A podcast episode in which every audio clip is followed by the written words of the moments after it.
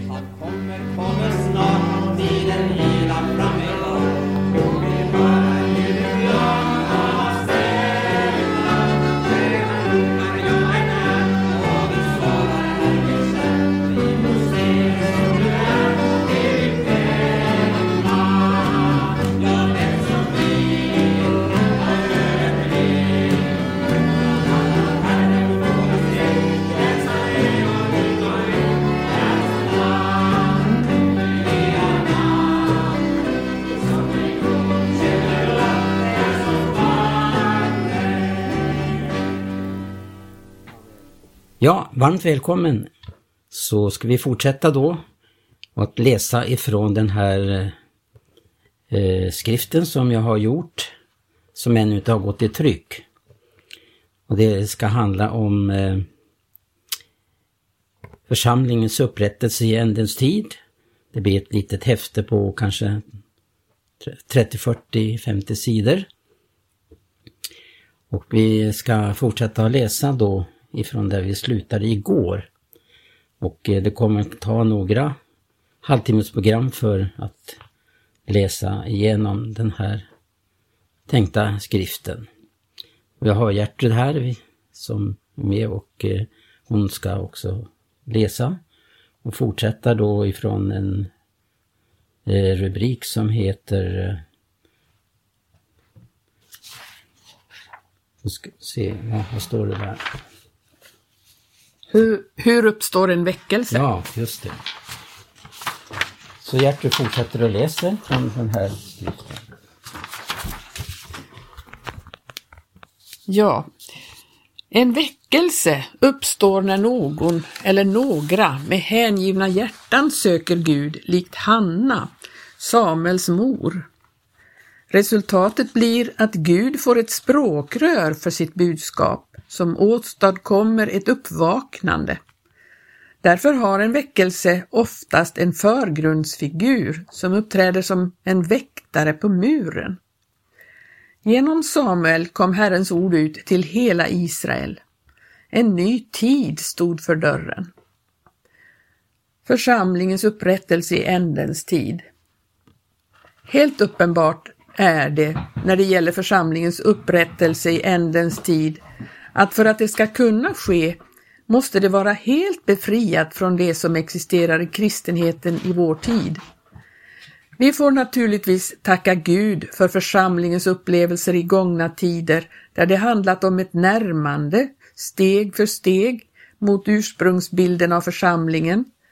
Därför upplever vi idag, i denna sista tid av församlingens tid här på jorden, Andens budskap att lämna allt som hindrar och att vara utanför lägret med Jesus för att vara med i församlingens upprättelse så att det som var från begynnelsen blir vår hjärteangelägenhet.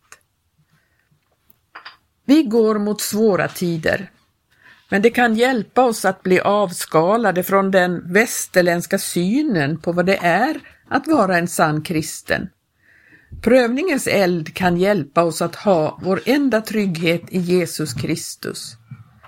Det kommer att skilja slagget från det äkta så att vårt liv kan bli ett användbart kärl för anden. Förföljelsen av de sanna troende kristna ökar i hela världen. Det är endast det som äger den första kärleken som kommer att bestå provet. Den som äger den första kärleken behöver inte frukta, för ordet säger Därigenom är kärleken fullkomnad hos oss, att vi har frimodighet i fråga om domens dag. Ty sådan han är, sådana är vi i denna världen. Räddhåga finns icke i kärleken, utan fullkomlig kärlek driver ut räddhågan. Ty i räddhågan ligger tanke på straff och den som räds är icke fullkomnad i kärleken. Detta står i första Johannesbrev 4. Församlingens grund och andliga funktion. Vi återgår till berättelsen om när Salomo byggde templet. När stenarna var på plats och man byggde så var Guds ändamål att det skulle vara ett heligt tempel där han själv kunde bo och uppenbara sin härlighet. I likhet med denna förebild till församlingen ser vi i Nya testamentet hur det blev uppfyllt på pingstdagen i Jerusalem. Då byggmaterialet var på plats blev detta andliga tempel uppfyllt av Guds härlighet. Församlingen var där. Gud hade samlat dem, så det blev som det står i psalm 110, vers 3. Villigt kommer ditt folk när du samlar din här. Det jag här vill betona är att de som var församlade på pingstdagen behövde den helige Ande för att komma i funktion. Apostlagärningarna ger oss ett tydligt exempel på vad det betyder när Anden har församlingen som sitt instrument att verka genom. Eller man kan använda en annan bild som Bibeln använder. Församlingen är som en kropp där Kristus är huvudet. Apostlarna var helt beroende av Anden. Därför finner vi det här uttrycket i Apostlagärningarna 15 i vers 28. Den helige Ande och vi. Det finns ingenting som vår fiende djävulen så fruktat för som den upprättade församlingen. När Paulus skriver till romarna att fridens Gud snart ska låta Satan bliva krossad under era fötter, Romarbrevet 16 och 20, så kan man fråga sig, hur går det till? För varje område i församlingen där lydnaden för ordet är upprättat, där är hans makt krossad. Mot ordet förmår han inget. Därför att ljuset lyser i mörkret och mörkret har inte fått makt därmed. Jesus beskriver församlingen som en stad på berget. Berget är ordet och staden är ordet personifierat.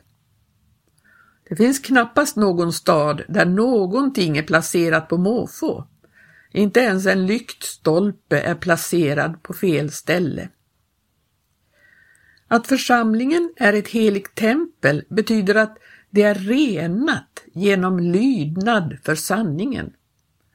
Paulus arbetade med att kunna ställa fram församlingen inför Gud som en ren jungfru och att genom undervisningen göra det möjligt för dem att, som det står i Efesebrevet 2.21, växa upp till ett heligt tempel i Herren. Så länge man höll fast vid apostlarnas undervisning fanns det möjlighet för anden att utföra sina gärningar. Detta skedde i fråga om överbevisning i förkunnelsen, att stadfästa ordet genom tecken och under, i själavården, församlingstukten och i andens ledning i själavinnandet. Dessutom assisterade anden i församlingen genom andens nådegåvor, framför allt apostlarna, framför allt genom andebedömningens gåva, så att inget främmande kunde nästla sig in i gemenskapen. Apostlarna varnade de troende från att förfalla till fördragsamhet, så att ett annat evangelium, en annan Jesus och ett annat slags ande kunde få fotfäste. Det fanns i muren till Jerusalem en port som kallades för dyngporten. Där förde man ut det som var orent.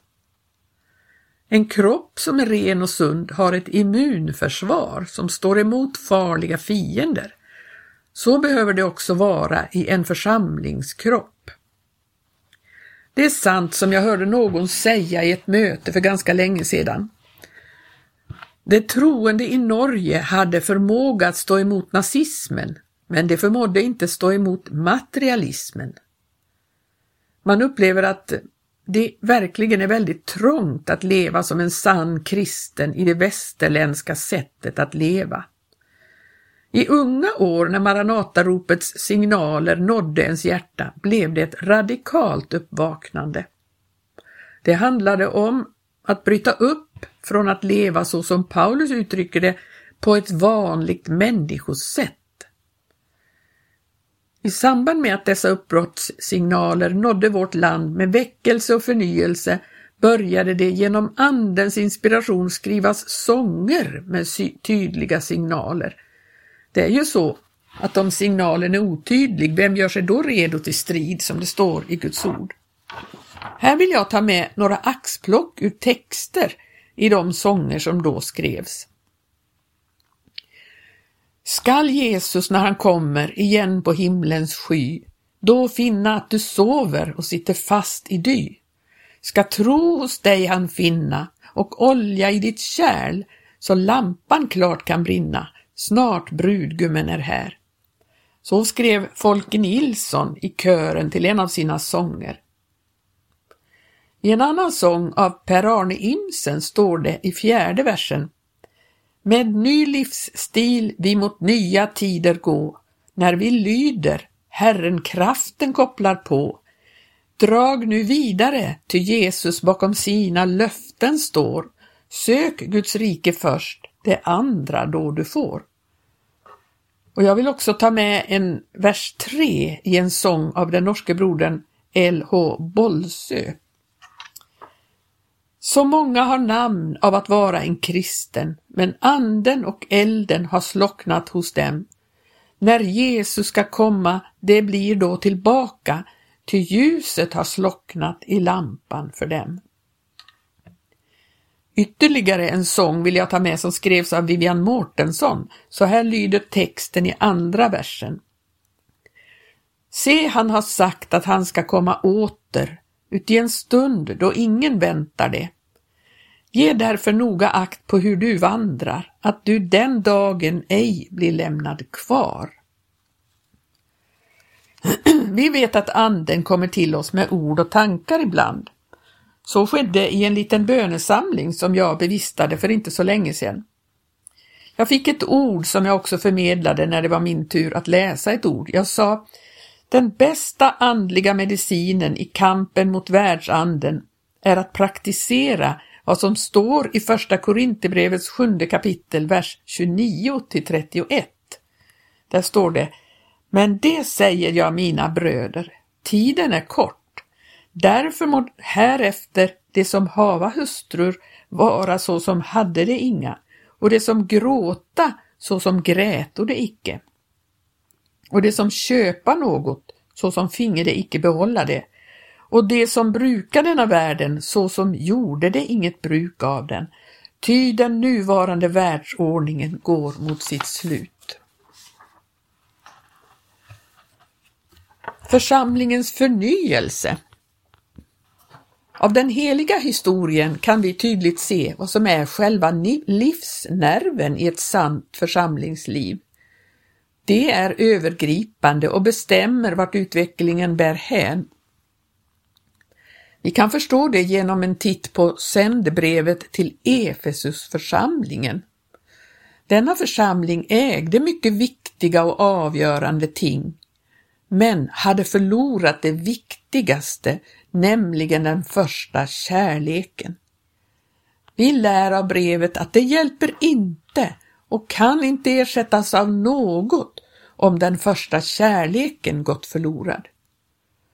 Hur kunde det ske i en församling som ägde ståndaktighet, hade burit mycket för Jesu namns skull och inte förtröttats?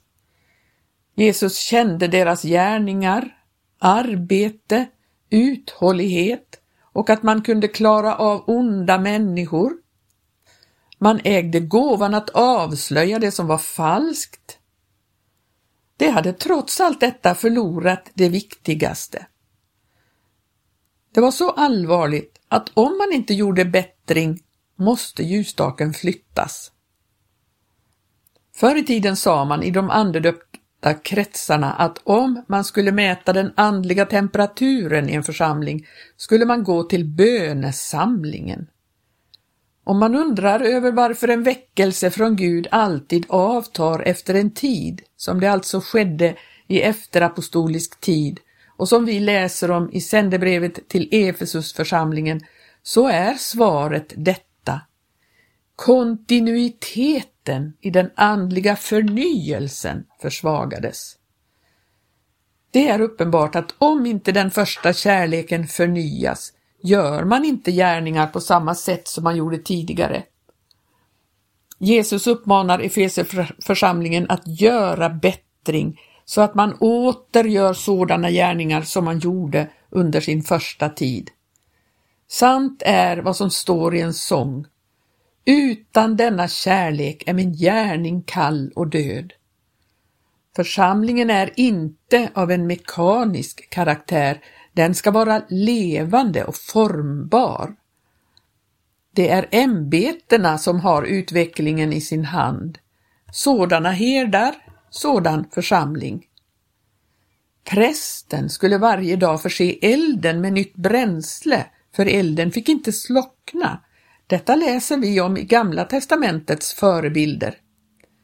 I Hosea 4 och 4 säger profeten Dock bör man inte gå till rätta med någon annan eller förebrå ditt folk som man bör gå till rätta med prästen. Församlingen är helt beroende av anden. Genom att leva i Andens förnyande liv kan vi erfara vad Paulus skriver om i Romarbrevet 5 och 5. Guds kärlek är utgjuten i våra hjärtan genom den helige Ande. I den första församlingen i Jerusalem fanns det inga föreskrifter att följa om hur och vad man skulle göra i gemenskapen det var Andens frukt som kom till synes som ett resultat av det Andens dop man hade mottagit. Kärlekens makt, som är universums största makt, gjorde att man tog ett socialt ansvar för varandra. Ingen räknade något av det han ägde för sitt, utan man hade allting gemensamt. Detta gjorde att ingen eh, behövde lida nöd detta fortsatte i det att man kom tillsammans varje dag. Man samlades till bön kring ordet och de gemensamma måltiderna. Guds rike blev synliggjort i gemenskapen. Ur pingsten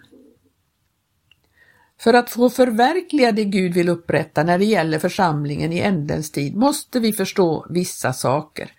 Det måste börja på ett oskrivet blad. I upprättandet gäller endast det som var från begynnelsen. Man kan säga att cirkeln blir sluten och binder ihop det som blev upprättat i begynnelsen med en avslutning på församlingens historia. Det finns alltså en början och en avslutning. Gud gör ingenting på måfå. Han utför sitt arbete planmässigt. Vi läser om väckelser som gått fram under gångna tider och vi får tacka Gud för dem. Det som förverkligades var på många sätt långt ifrån den mönsterbild vi ser i skriften, men det var väckelse och det skedde inte på grund av deras begränsade bibelsyn utan trots den. Gud har i alla tider velat frälsa människor och har också många gånger använt gamla skinnläglar. Det är en bild som Jesus använder i sin undervisning och som handlar om väckelserörelser. Men dessa saknar det nya vinet som behöver en ny skinnlägel för att vara formbar och ha förmåga att utvidga sig. Det finns idag några få utöver vår värld som har hörsammat signalerna från den eviga världen. Jesu hälsning till församlingarna i mindre Asien löd Den som har öra, han höre vad anden säger till församlingarna.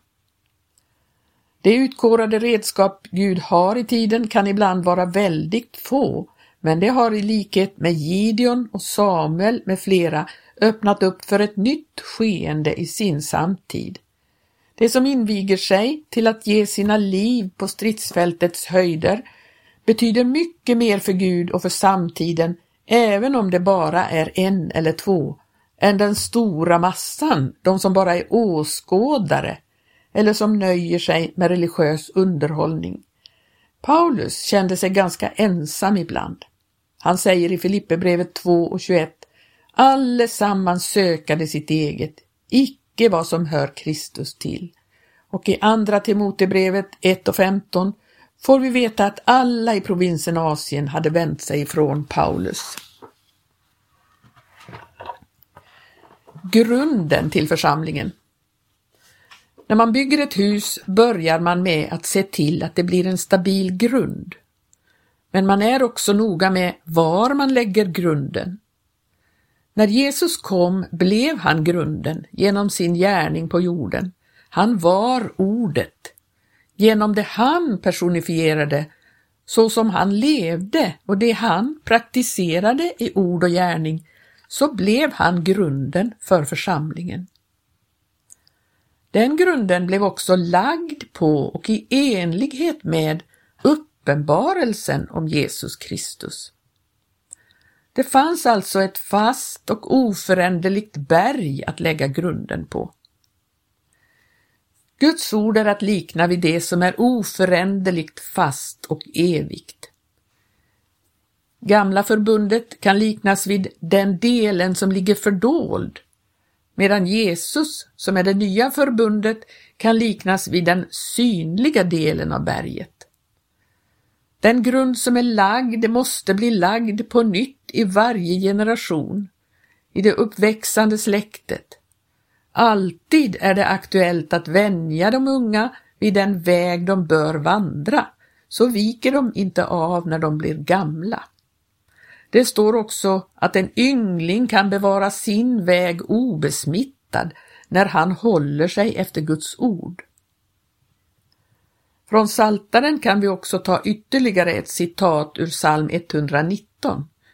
Jag gömmer ditt tal i mitt hjärta för att jag icke ska synda mot dig. Vår vandring här på jorden är fylld av faror och snaror. Men om vi låter hans ord vara våra fötters lykta och ljuset på vår stig kan vi räddas från att gå fel. Apostlarna la grunden i sin generation, den grund som redan var lagd av Jesus. Genom att ordet var införlivat hos Jesus blev han grunden. Detsamma gäller för oss. När ordet blir införlivat i oss blir den färdiga grunden återlagd. Apostlarna betraktade sig själva som förfarna byggmästare. Den praktiska sidan gick så till att man förkunnade det oförfalskade ordet och det tog kroppslig gestalt i församlingen. Det står ju att de var ett Guds åkerfält, en Guds byggnad Om vårt byggnadsverk som är uppfört på den grunden blir beståndande så ska vi undfå lön. Men om vårt verk brännes upp så ska vi gå miste om lönen men bli frälst såsom genom eld. Ja, det här är från eh, tänkt som ska bli en skrift, ett häfte och eh, vi har eh, en del sidor kvar som vi ska återkomma resten av eh det här. Och eh, det blir då om en vecka igen. Tisdag nästa vecka ska vi läsa igenom de sista sidorna utav det här. Och det här är alltså tänkt som ett häfte som ska gå till tryck snart. Ja, det här eh, handlar om, alltså, om församlingens upprättelse i ändens tid. Och eh, vi ska återkomma då nästa tisdag och eh, läsa resten av det här som jag har tänkt ska bli då en skrift. Gud välsigna dig på återhörande.